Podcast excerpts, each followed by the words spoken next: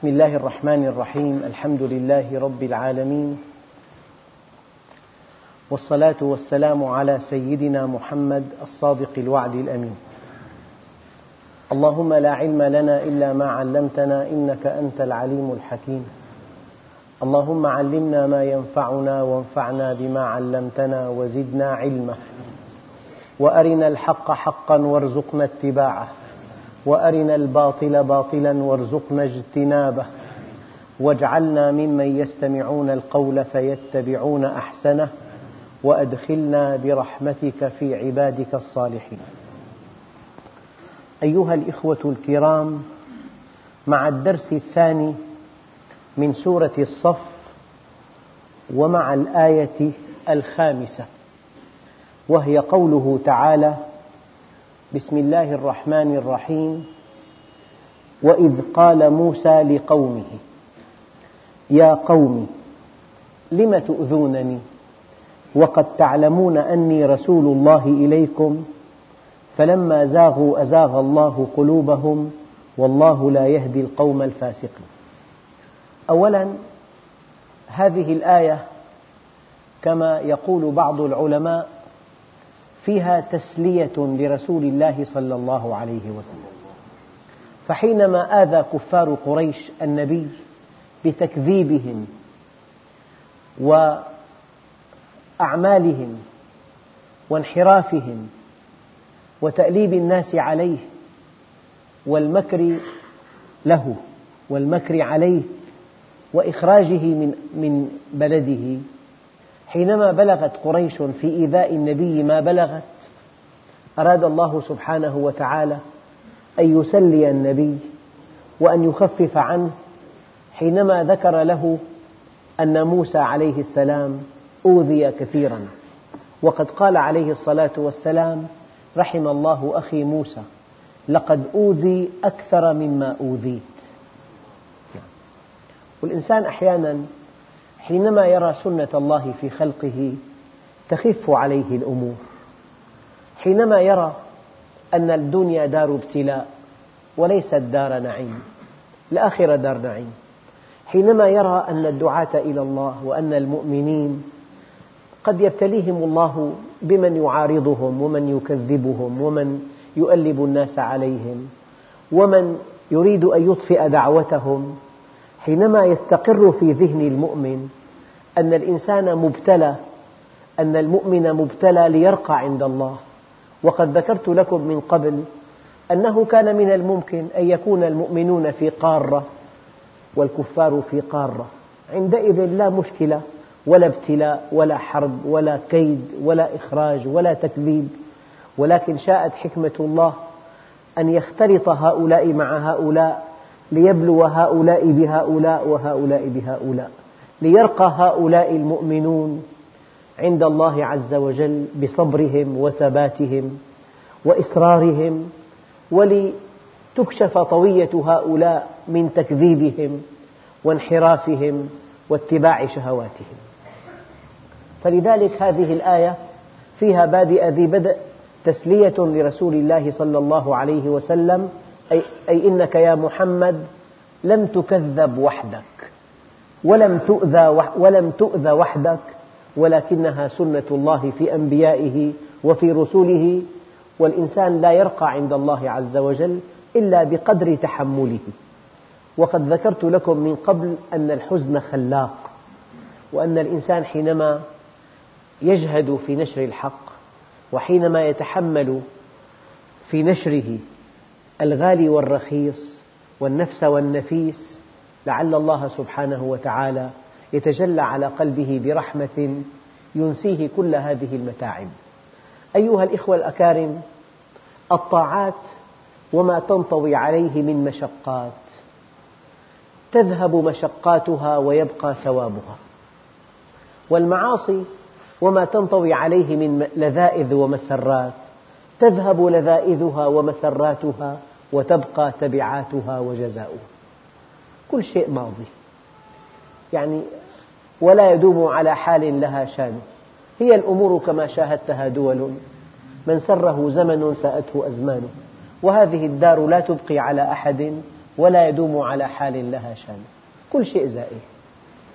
إلا أن الطاعة يزول يزول جهدها ويبقى ثوابها.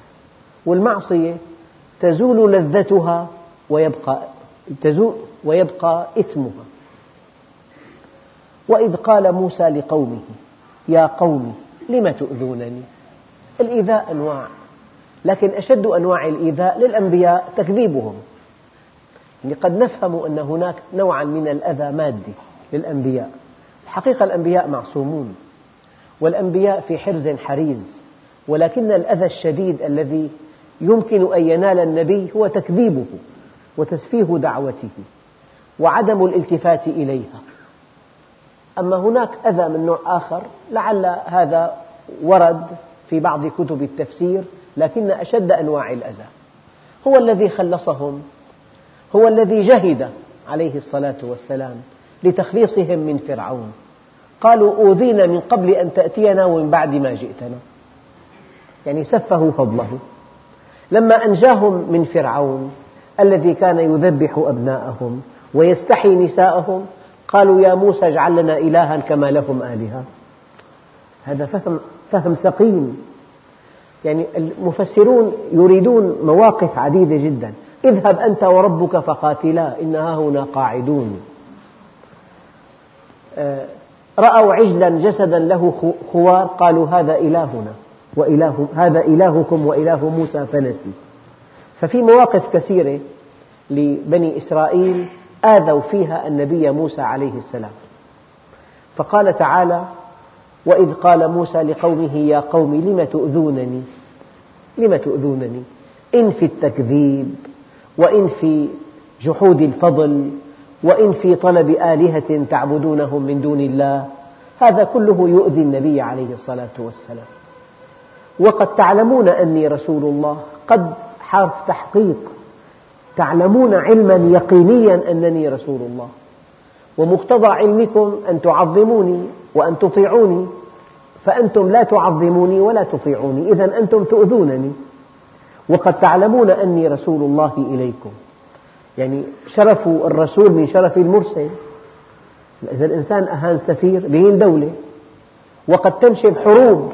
بسبب إهانة السفير لأن هذا السفير يمثل أمة. فإذا أوذي النبي فهذا الأذى هو في الحقيقة يؤذون الله ورسوله يعني يؤذون الله بإيذائهم لرسول الله.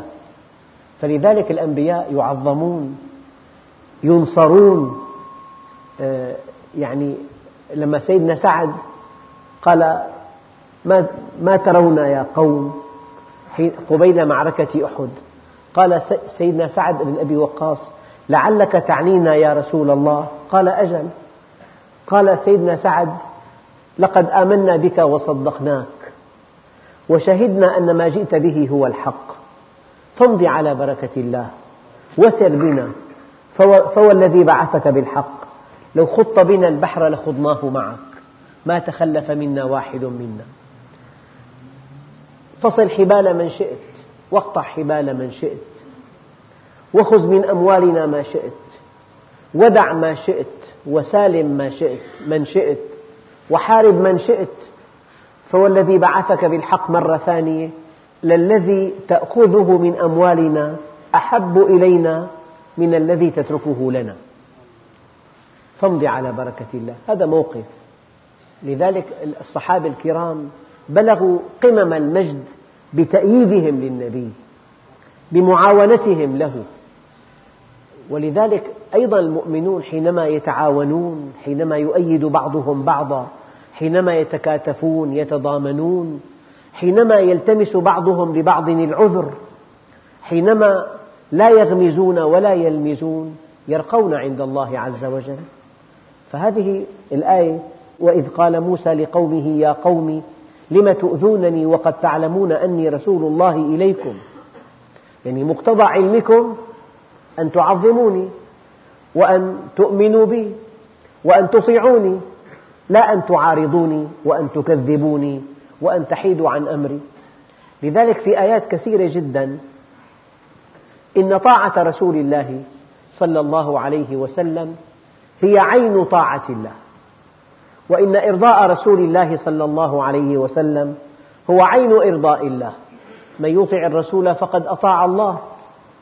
أطيعوا الله ورسوله. نعم. إذا هي تسلية للنبي وتخفيف عنه وهي دعوة للمؤمنين بشكل خفي ألا تؤذوا رسول الله ألا تؤذوه بتكذيبه بتكذيبكم له. أو بمخالفتكم لأمره في تكذيب قولي وتكذيب عملي. فحينما تسفهون قوله لقد آذيتموه وحينما تحيدون عن أمره لقد آذيتموه. وقل لا أسألكم عليه أجرا إلا المودة في القربى إلا أن تتوددوا إلى الله مودة تقربكم إليه. يعني النبي الكريم يصل إلى منتهى آماله حينما يرى الناس مقبلين على الله. لما أطل على أصحابه قبل أن يموت رآهم في الصلاة خاشعين. ابتسم حتى بدت نواجذه وقال علماء حكماء كادوا من فقههم أن يكونوا أنبياء. هؤلاء العظماء ليس لهم من الدنيا شيء. لهم من الدنيا أن تحقق رسالتهم وأن ينهضوا بالناس. التافهون يعيشون ليأكلون. والأقل تفاهة يأكلون ليعيشون ليعيشوا. أما المؤمن يعيش ليعرف الله عز وجل. فهؤلاء الأنبياء العظام حينما ينتشر الحق بين أقوامهم يسعدون. وحينما يكذبون وحينما يخالفون يتألمون. فالأذى هنا أن تكذب النبي أو أن تحيد عن أمره. المعنى المخالف إرضاء رسول الله لا أن تعطيه مالا بل أن تكون في مستوى دعوته. وإذا كان الدعاة صادقين فيما يدعون لا يطلبون من الناس شيئا إلا أن ينتشر الحق بين الناس وأن يسعد الناس بالله عز وجل وأن يرقوا إليه وأن تسمو نفوسهم وأن يكون الإسلام مطبقا في كل الأسر. لذلك الصادق لا يريد على دعوته شيئا. لا يريد إلا أن يسعد الناس. فإن سعدوا سعد بإسعادهم. وإذا أردت أن تسعد فأسعد الآخرين. القرآن الكريم كتاب تربوي. لأن النبي عليه الصلاة والسلام يعني أوتي الفطنة. فأحيانا يمكن أن أقدم لك الحقائق بشكل قصة تاريخية. هذه الحقائق إخبار وتوجيه في وقت واحد. فالنبي يكذب والنبي يؤذى. فلما قال الله عز وجل وإذ قال موسى لقومه يا قوم لم تؤذونني وقد تعلمون أني رسول الله إليكم؟ هذه تسلية للنبي وهذا توجيه للمؤمنين أن أيها المؤمنون إياكم أن تؤذوا رسولكم. طيب النبي عليه الصلاة والسلام قال تعالى وما كان الله ليعذبهم وأنت فيهم. يعني إذا كانت سنتك يا محمد مطبقة في بيوتهم وفي أعمالهم وفي حياتهم ما كان الله ليعذبهم؟ هم في بحبوحة من عذاب الله حينما يطبقون سنتك. والله سبحانه وتعالى لم يقبل دعوى محبته إلا بالدليل ودليل دعوى محبته. أن يطيع, أن يطيع رسول الله. قال تعالى قل إن كنتم تحبون الله فاتبعوني يحببكم الله ويغفر لكم. فلذلك المعنى المخالف إنك إن كذبت النبي وحدت عن أمره آذيته وإنك إن صدقت النبي وطبقت سنته فقد أرضيته. وإرضاء النبي إرضاء لله عز وجل لأن النبي دعوته تشف عن حقيقة عن الحقيقة الإلهية. ليس له ذات تحجبك عن حقيقة عن الحقيقة الإلهية. كل أقواله وأفعاله وإقراره وأحواله إنما تبين كمال الله عز وجل وما وعد به المؤمنين من جنة عرضها السماوات والأرض. لم تؤذونني وقد تعلمون أني رسول الله إليكم؟ يعني أحيانا لو أن أبا يربي ابنه على الجد في الدراسة. لو أن صديقا لابنه صرفه عن الدراسة. وزهده بها. وحمله على أن يغيب عن مدرسته. أليس في هذا السلوك إيذاء للأب؟ قد يقول الأب لهذا الصديق المنحرف لم تؤذيني في ابني؟ لأن الرحمة إذا ارتفع مستواها الأذى الذي ينال الرحيم لا أن تنال من جسده بل أن تنال من دعوته هلا إذا إنسان أراد أن يسفه دعوة أو أن يطعن بالداعي بلا سبب بلا دليل أليس هذا إيذاء للحق؟ شخص يستفيد من إنسان يعتقد به الصلاح وهو مطبق للدين اعتقادا منه أن هذا الذي يدعوه صادق فيما يدعو ومستقيم على أمر الله الذي يدعون إليه فإذا أردت أن تكذب وأن تسفه وأن تطعن وأن تقلل من قيمة هذه الدعوة أليس في هذا التقليل وهذا التسفيه وهذا الطعن تجريح للدعوة وإيذاء لصاحب الدعوة؟ فالإنسان يكون مع الحق وليحذر أن يكون في خندق مناهض للحق. لأن الله سبحانه وتعالى يعني إن تتوبا إلى الله فقد صغت قلوبكما وإن تظاهرا عليه فإن الله هو مولاه وجبريل وصالح المؤمنين والملائكة بعد ذلك ظهير. يعني أيها الإنسان قبل أن تعارض الحق وقبل أن تقف في خندق يعاند الحق وقبل أن تتمنى إطفاء نور الله فكر مليا أنك إذا فعلت هذا فإن الله سبحانه وتعالى وجبريل والملائكة والمؤمنين جميعا سوف يكون في مواجهتك. يعني الإنسان يحذر ألف مرة أن يناهض الحق لأن الحق ماض إلى ما لا نهاية. الحق هو الله. يعني ممكن طفل صغير إجابة أكبر جيش في العالم. ممكن. يعني بثانية يقتل بثانية. ممكن جيش صغير إجابة أكبر جيش. فالإنسان لما يفكر يعاند الحق أو يطفئ نور الله عز وجل هو يفعل المستحيل لكنه لا يصيبه إلا سوء طويته. يعني قد تروى طرفة أن قوم إبراهيم لما أضرموا نارا عظيمة لإحراق هذا النبي الكريم يعني ضفدعة كانت تملأ فمها بالماء وتطفئ به الحريق. وحشرة أخرى كانت تنفخ في النار. لا الحشرة زادت من إيقاد النار ولا الضفدعة أطفأت النار. ولكن قل كل يعمل على شاكلته. يعني إذا الإنسان عارض الحق الحق ماضي. الحق لن يقف وإذا الإنسان أيد الحق الحق ماضي لن يقف إلا أن الذي أيد يرقى عند الله والذي عارض يسقط من عين الله. والحق هو الله. يعني لا تأييدك يزيد الحق تألقا وقوة ولا المعارضة تضعفه لأن الحق هو الله. إنك إن أيدت الحق ارتقيت عند الله وإنك إن عارضته سقطت من عين الله. فالإنسان إذا كان في أشخاص سبحان الله يرى شاب مؤمن مستقيم ورع يسفه له دينه. هذا تزمت بيقول له يدعوه إلى التفلت يدعوه إلى عدم التقيد. يدعوه إلى الاختلاط يدعوه إلى عدم الشدة في تطبيق أحكام الدين. هذا هو الشيطان بعينه.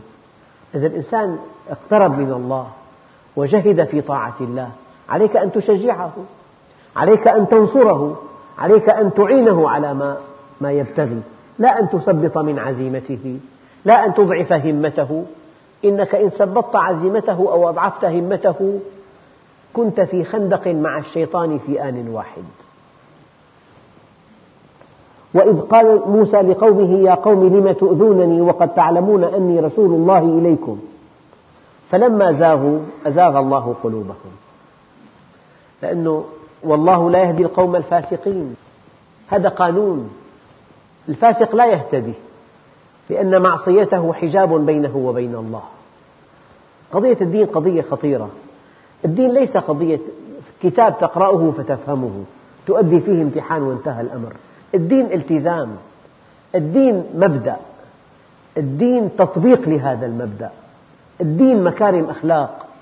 فالإنسان إذا كان فاسقا ففسقه حجاب بينه وبين الله. لا يهدي القوم الفاسقين لأن جبلة الإنسان إذا انحرف وعصى الله عز وجل يخجل بمعصيته فيحجب نفسه عن الله. هذا سماه العلماء تحصيل حاصل. يعني إذا الإنسان ما ذهب إلى الماء ليشرب مات عطشا. موته عطش تحصيل حاصل لرفضه أن يشرب الماء. فلا نقول فلان أماته عطشا هو حينما صرف نفسه عن نبع الماء مات عطشا. هذا اسمه في علم في علم الكلام تحصيل حاصل. فلما زاغوا أزاغ الله قلوبهم والله لا يهدي القوم الفاسقين. الفاسق لا يهتدي إلى الله لأن معصيته حجاب بينه وبين الله. نعم. بعدين حينما أزاغ قلبه عن الله إنسان مريض يتوجه إلى المستشفى فإذا غير جهته خسر العلاج تحصيل حاصل أيضا. لذلك أي إضلال جزائي أي إضلال معزو إلى الله عز وجل هو إضلال جزائي مبني, مبني على ضلال اختياري. وأية إزاغة معزوة إلى الله؟ هي إزاغة جزائية مبنية على زيغ اختياري. فلما زاغوا أزاغ الله قلوبهم. يعني إنسان رفض الجامعة.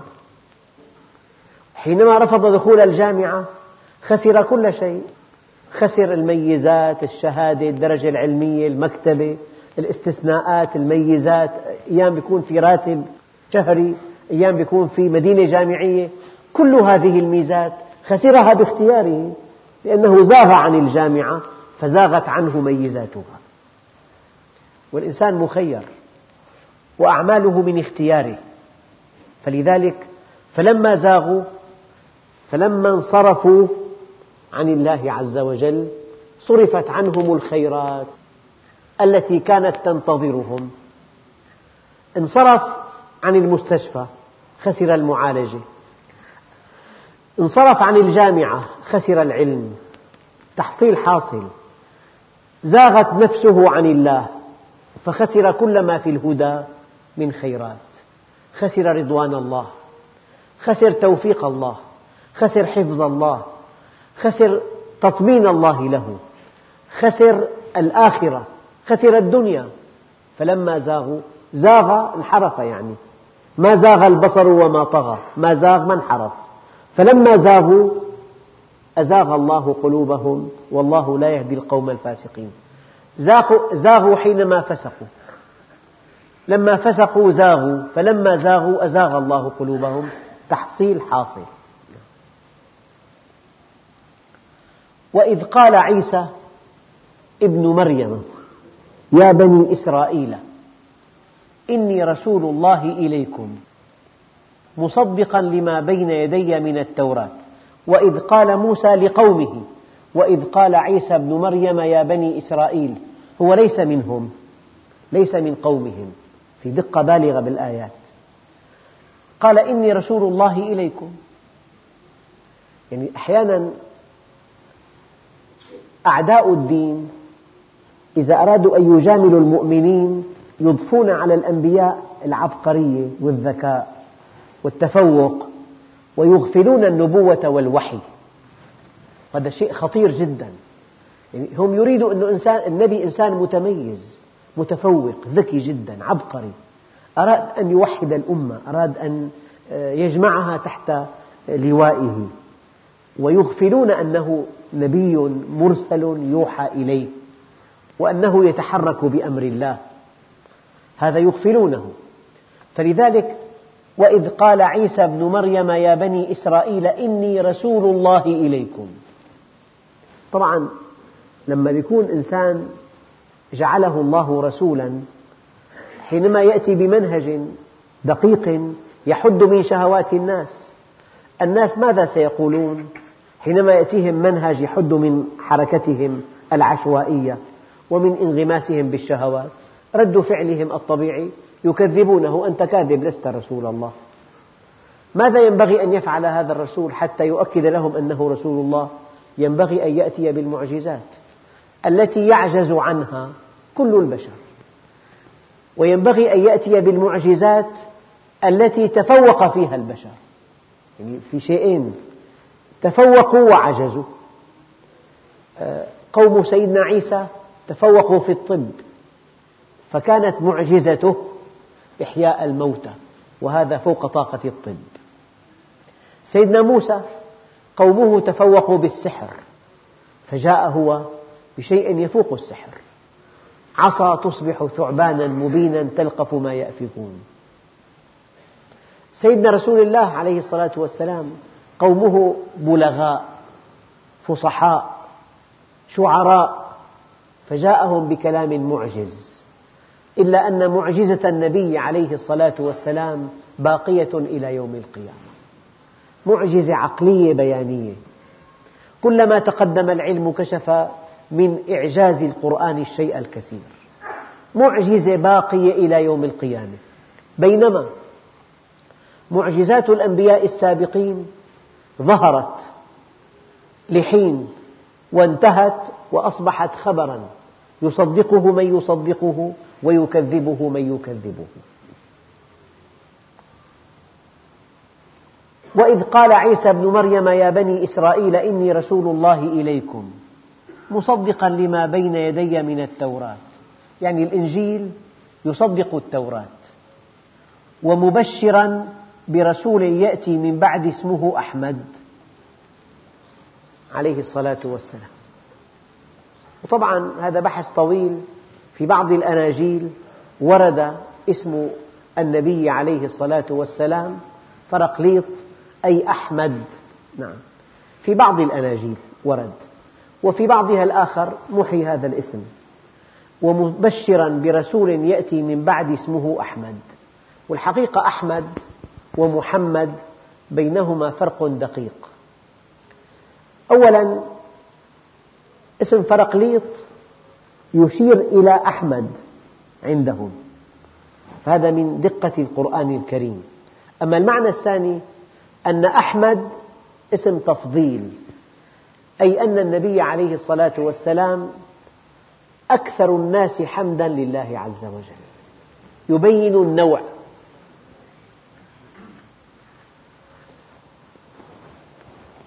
بينما محمد له معنيان.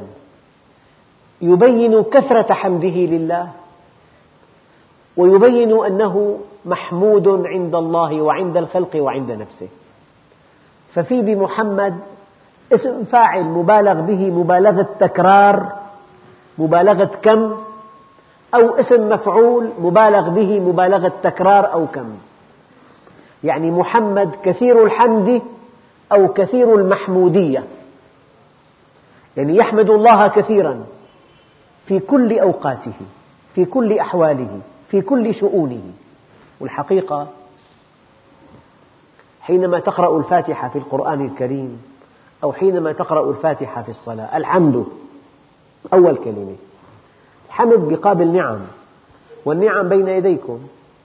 نعمة البصر نعمة السمع نعمة الشم نعمة النطق نعمة الحركة نعمة سلامة الأجهزة القلب والرئتين والمعدة والأمعاء والكليتين نعمة العظام نعمة العضلات نعمة, نعمة العقل نعمة الأعصاب نعمة الطعام والشراب نعمة الزوجة نعمة الأولاد. النعم لا تعد ولا تحصى بل إن الله سبحانه وتعالى يقول وإن تعدوا تعدوا نعمة الله لا تحصوها. النعمة الواحدة لن تستطيعوا أن تعدوا خيراتها ولا بركاتها.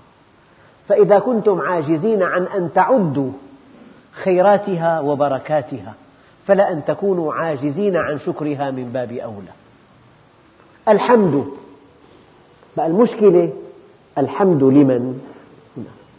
المؤمن الحمد لله. غير المؤمن الحمد لزيد أو الحمد لعبيد أو الحمد لفلان أو الحمد لعلان أو الحمد للمال الذي أحوزه الدراهم لك مراهم أو الحمد للذكاء الذي بين بعقل برأسي أو الحمد لعشيرتي أو الحمد لجماعتي. هذا هو الشرك. أما المؤمن الحمد لله. المشكلة ليس إثبات الحمد أو عدم إثباته. المشكلة إلى من يعزى الحمد؟ الحمد لله. الحمد لله. لذلك المؤمن ينتقل من النعمة إلى المنعم. الكافر يبقى في النعمة. الكفار غارقون في النعم. يستغلون نعم الله أعلى استغلال. إلا أنهم لم ينتقلوا من النعمة إلى المنعم. وقعوا في النعمة وحبسوا فيها ولم يجاوزوها إلى المنعم. لذلك أحمد أعظم الناس حمدا الحامد الأول في الكون. لأن أساس الكون مسخر تسخيرين تسخير تعريف وتسخير تكريم. تسخير التعريف رد فعله الإيمان. تسخير التكريم رد فعله الشكر. لذلك ما يفعل الله بعذابكم إن شكرتم وآمنتم. هذا أصل الدين. الله عز وجل منحك نعمة الوجود. أنت موجود لك اسم. منحك نعمة الإمداد أمدك بالهواء والماء والطعام والشراب والزوجة والأولاد. أمدك بنعمة الهدى. فأنت كلك نعمة. نعمة الله. طيب النعمة تحتاج إلى شيئين. النعمة تحتاج إلى شكر. وحينما تعلم أن الذي خلقك هو إله عظيم هذه هذا يحتاج إلى إيمان. إنك إن آمنت وشكرت حققت الهدف الذي من أجله خلقت. فإذا آمنت وشكرت توقف العلاج. ما يفعل الله بعذابكم إن شكرتم وآمنتم وكان الله شاكرا عليما. فأحمد سيد الحامدين أحمد الحامدين. ما في مخلوق على وجه الأرض من آدم إلى يوم القيامة حمد الله حمدا كحمده. بصراحة نحن جميعا نتفاوت بالحمد. فكلما رأيت فضل الله كنت له أكثر حمدا. إذا الحمد متعلق بالرؤية. إن رأيت فضل الله عليك تحمده حمدا كثيرا. وإذا, وإذا أردتم آه، الشيء الدقيق هو أن المؤمن يحمد الله حمدا دائما. كان عليه الصلاة والسلام تعظم عنده النعمة مهما دقت. يعني كأس ماء تشربه. الطريق سالك. لو لم يكن سالكا لكنت بين الأطباء والمستشفيات. تحتاج إلى تمييل إلى فتح مجرى إلى عملية جراحية. أحيانا تقف بحصة في الحالب فتجعل حياة الإنسان جحيما لا يطاق. تحتاج إلى مستشفيات وإلى تفتيت وإلى تصوير وإلى جراحة. بحصة وقفت في مجرى البول. فلذلك كانت تعظم عنده النعمة مهما دقت. إنسان يقضي حاجته بنفسه. معزز مكرم نظيف. فإذا شلت أعضاؤه أقرب الناس إليه يتمنى موته. أقرب الناس إليه أولاده زوجته. الدعاء الشهير الله يخفف عنه. انتهى. وإذا اختل العقل في رأس الإنسان يسعى أقرب الناس إليه لإخراجه من البيت الذي اشتراه لهم. وإيداعه في المستشفى مستشفى الأمراض العقلية. وإذا افتقر الإنسان قد ينقب في الحاويات قد ينقب في الحاويات ليأكل شيئا لا يؤكل. فالإنسان لما يكون مكتفي أجهزته سليمة. الحقيقة الشيء المعجز ليس في في الخلل ولكن في السلامة. خمسين تحليل في بدمك خمسين مادة وكل مادة لها نسب دقيقة. لو ارتفعت قليلا اختلت الجهاز الثاني. هي الغدة النخامية ملكة, ملكة النظام الهرموني. ملكة نصف غرام وزنها تفرز 12 هرمون. أحد الهرمونات يحقق توازن السوائل. لو اختل هذا الهرمون تحتاج إلى أن تشرب أكثر من 100 لتر باليوم. وأن تطرحها. ولا يبقى لك عمل إلا أن تشرب وأن تطرح. لو اختل هرمون من 12 من غدة وزنها نصف غرام النخامية شيء الإنسان خلقه معجز. فإذا الإنسان استيقظ صباحا معافى وكان مطيعا لله هذا هذه نعمة لا تقدر بثمن. لذلك ورد إذا أصبح أحدكم آمنا في سربه معافى في جسمه عنده قوت يومه فكأنما ملك الدنيا بحذافيره. إذا أحمد سيد الحامدين. محمود محمود عند الله وعند الخلق وعند نفسه. أيام الإنسان يكون ذكي جدا. يحمده الناس أما هو يحتقر نفسه؟ لأنه يكذب عليهم. لأنه يستغلهم دون أن, يشعر أن يشعروا. فالبطولة أن تشعر أنك محمود عند الناس ومحمود عند الله ومحمود عند نفسك. احترام النفس شيء مهم جدا. في بعض الأشخاص ساقطون من عين أنفسهم محترمون عند الناس أذكياء لأنه يعني يوهمون الناس أنهم يعطون أما هم يستغلون. يسقطون من عين أنفسهم بينما ينتزعون إعجاب الآخرين. وهناك أشخاص يحمدهم الناس وهم عند الله ساقطون. ولأن يسقط الإنسان من السماء إلى الأرض فتنحطم أضلاعه أهون من أن يسقط من عين الله.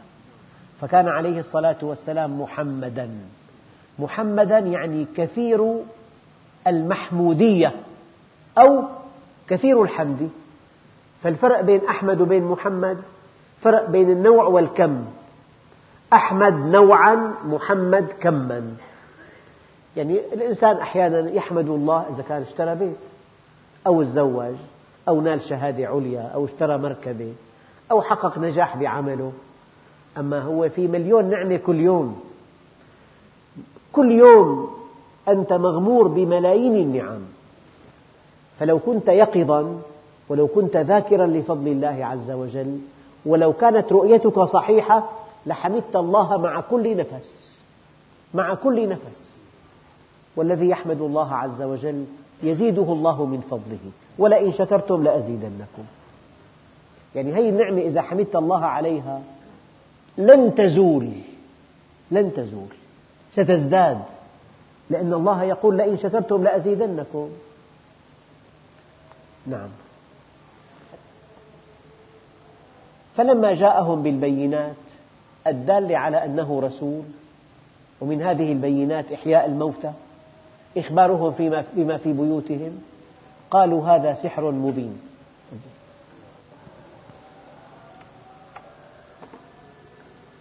ومن أظلم ممن افترى على الله الكذب وهو يدعى إلى الإسلام.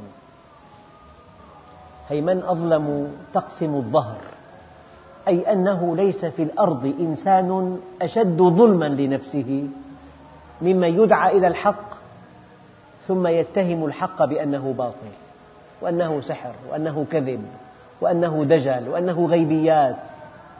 هذا الذي يدعى إلى الحق ثم يسفه الحق. ليس في الأرض كلها إنسان أشد ظلما لنفسه منه. ومن أظلم ممن افترى على الله الكذب. جاءك الحق فقلت هذا كذب. وهو يدعى إلى الإسلام. والله لا يهدي القوم الظالمين. هؤلاء ظلموا أنفسهم قبل كل شيء. يريدون ليطفئوا نور الله بأفواههم. الحقيقة يعني ممكن إنسان يستطيع أن يلغي نور الشمس مهما كان ذكيا. يمكن أن يطفئ لهيب الشمس بفمه. لو واحد وقف ونفخ باتجاه الشمس تنطفئ يعني. شوف يطفئ نور الله بأفواههم الحق ماضي والإسلام شامخ كالجبال. الإنسان لما ينصر الإسلام يرتقي عند الله فقط. أما الإسلام إسلام الإسلام منصور لأنه دين الله. لذلك قال بعض العلماء نور الله هنا محمد عليه الصلاة والسلام. انقطع عنه الوحي أربعين يوما. فرح الكفار وقالوا لقد طفئ نور الله. انتهينا منه خلصنا منه. ثم جاء الوحي مستمرا. فقال بعض العلماء نور الله هو النبي عليه الصلاة والسلام. وقال بعضهم هو القرآن الكريم. وقال بعضهم هو الإسلام. وقال بعضهم هي الآيات الدالة على عظمة الله. لذلك إطفاء نور الله أي الطعن بالقرآن أو الطعن بالنبي العدنان. يقول لك تزوج تسع نسوة ماذا يعني ذلك؟ لها بحث طويل هذه. لو قرأت هذا البحث لذابت نفسك تعظيما لهذا النبي. فهناك من يطعن بالنبي. يريد أن يطفئ نور الله. هناك من يريد أن يطعن بالقرآن. يقول لك موضوعاته متنوعة. ما في منهجية. هناك من يقول ذلك. هناك من يطعن بالإسلام كمنهج وكنظام. هناك من يطعن بكل آية دالة على عظمة الله. وهناك من يحاول أن يطفئ نور الشمس بفمه. فعلا مثل واضح جدا. لذلك آه، ما ضر السحابة وهي في السماء نبح الكلاب في الأرض. لو تحول الناس جميعا إلى كناسين ليغبروا على الإسلام ما غبروا إلا على أنفسهم. لأن الإسلام دين الله. ما ضر البحر أن رماه غلام بحجر. وقف طفل على ساحل البحر ألقى حجر في البحر. بحر. أربعة أخماس اليابسة. عمقه 12 كيلومتر. طفل ألقى فيه حجر. ماذا فعل؟ ما فعل شيئا. ما ضر السحاب نبح الكلاب. وما ضر البحر أن ألقى فيه غلام بحجر؟ ولو تحول الناس إلى كناسين ليغبروا على الإسلام ما غبروا إلا على أنفسهم. يعني ما في دين كاد له الكائدون وخطط له أعداؤه كهذا الدين العظيم. والشيء الغريب أن هذا الدين كلما أردت أن تطفئ نوره ازداد تألقا الذي يريد أن يطفئ نور الله كمن يريد أن يطفئ النار بالزيت. كلما ألقى عليها الزيت ازدادت اشتعالا. لذلك الأصل أن تكون مع الحق لا أن تكون ضد الحق. هلا حينما جاءت الدعوة إلى النبي الذي عارضه وكذبه أين هو؟ في مزبلة التاريخ. حينما قتلوا في بدر قال عليه الصلاة والسلام يا فلان سماهم بأسمائهم واحدا واحدا. هل وجدتم ما وعد ربكم حقا؟ فإني وجدت ما وعدني ربي حقا. لقد كذبتموني وصدقني الناس. وأخرجتموني وآواني الناس. وخذلتموني ونصرني الناس. الذين نصروه أين هم؟ في لوحات الشرف. سيدنا الصديق سيدنا عمر سيدنا عثمان سيدنا علي سيدنا سعد سيدنا معاذ. شو والله يا معاذ إني لأحبك. ارمي سعد فداك أبي وأمي. أبو بكر وعمر مني كالسمع والبصر. لو كان نبي بعدي لكان عمر. أبو بكر ما ساءني قط فاعرفوا له ذلك. الذين أيدوه ونصروه أين هم؟ في, جن في روضات الجنات في أعلى عليين في سجل الخالدين. والذين كذبوه وآذوه أين هم الآن؟ النار يعرضون عليها غدوا وعشيا ويوم تقوم الساعة أدخلوا آل فرعون أشد العذاب. يعني ستة آلاف سنة ضرب 365 يوم ضرب اثنين والخير لقدام. غدوا وعشيا الذين كذبوا النبي 1416 سنة ضرب اثنين ضرب 365 ضرب اثنين. غدوا وعشيا بينما أصحابه الذين أيدوه ونصروه وافتدوه بأرواحهم امرأة تبحث عن رسول الله. رأت زوجها قد قتل في ساحة المعركة ثم رأت أخاها قد قتل ثم رأت أباها ثم رأت ابنها وهي تقول ما فعل رسول الله؟ فلما رأته سليما قالت كل مصيبة بعدك هينة يا رسول الله. ما في مشكلة. هيك كانوا الصحابة. النبي تفقد أحد الصحابة قال أين فلان؟ ما عرفوا عنه شيئا. سعد بن الربيع. ذهبوا إلى ساحة المعركة رأوه في النزاع الأخير. قال الذي أرسله النبي يا سعد لقد أمرني النبي أن أتفقدك فهل أنت مع الأحياء أم مع الأموات؟ قال له أنا مع الأموات. انتهيت يعني. ولكن بلغ رسول الله مني السلام وهو في قمة السعادة وقل جزاك الله عنا خير ما جزى نبيا عن أمته. وقل لأصحابه يقول لكم سعد لا عذر لكم إذا خلص إلى نبيكم وفيكم عين تطرف. يعني ما رأيت أحدا كما قال أبو سفيان يحب أحدا كحب أصحاب محمد محمدا إيه، الله عز وجل رفع شأنهم وأعطاهم قوة وجعلهم في الخالدين. وكل إنسان بأي عصر يقدر يكون مؤمن ويعين أهل الحق ويكون داعية إلى الله. أهم شيء إذا أنت طبقت الدين تكون أكبر داعية وأنت ساكت بس اسكت. بس طبق الدين. كن صادقا كن أمينا. ممكن بأي حرفة أنت تكون بأي مصلحة. إذا كنت مطبقا لأوامر الدين تغدو علما تغدو حجة تغدو داعية وأنت صامت بعملك الدين لا يحتاج إلى فلسفة كثير يحتاج إلى تطبيق يحتاج إلى تألق في الدين لا من تشقيق المعاني وتنميق الألفاظ. بل من صدق العمل وصدق النوايا. لذلك يريدون ليطفئوا نور الله بأفواههم. اطمنوا والله متم نوره. هذا دين الله لا تقلقوا أبدا. مهما كثر عليه أعداؤه مهما أرادوا أن يطفئوه يزداد تألقا. يعني بعد, أي بعد سنوات عدة يصبح الإسلام الدين الثاني في أمريكا. بفرنسا قبل عام احتفل بتدشين الجامع رقم ألف وهو الدين الثاني. يعني الحقيقة أناس كثيرون بالملايين يدخلون في دين الله لأنه ما بقي من الحق إلا دين الله عز وجل. كل شيء سقط بقي هذا الدين شامخا.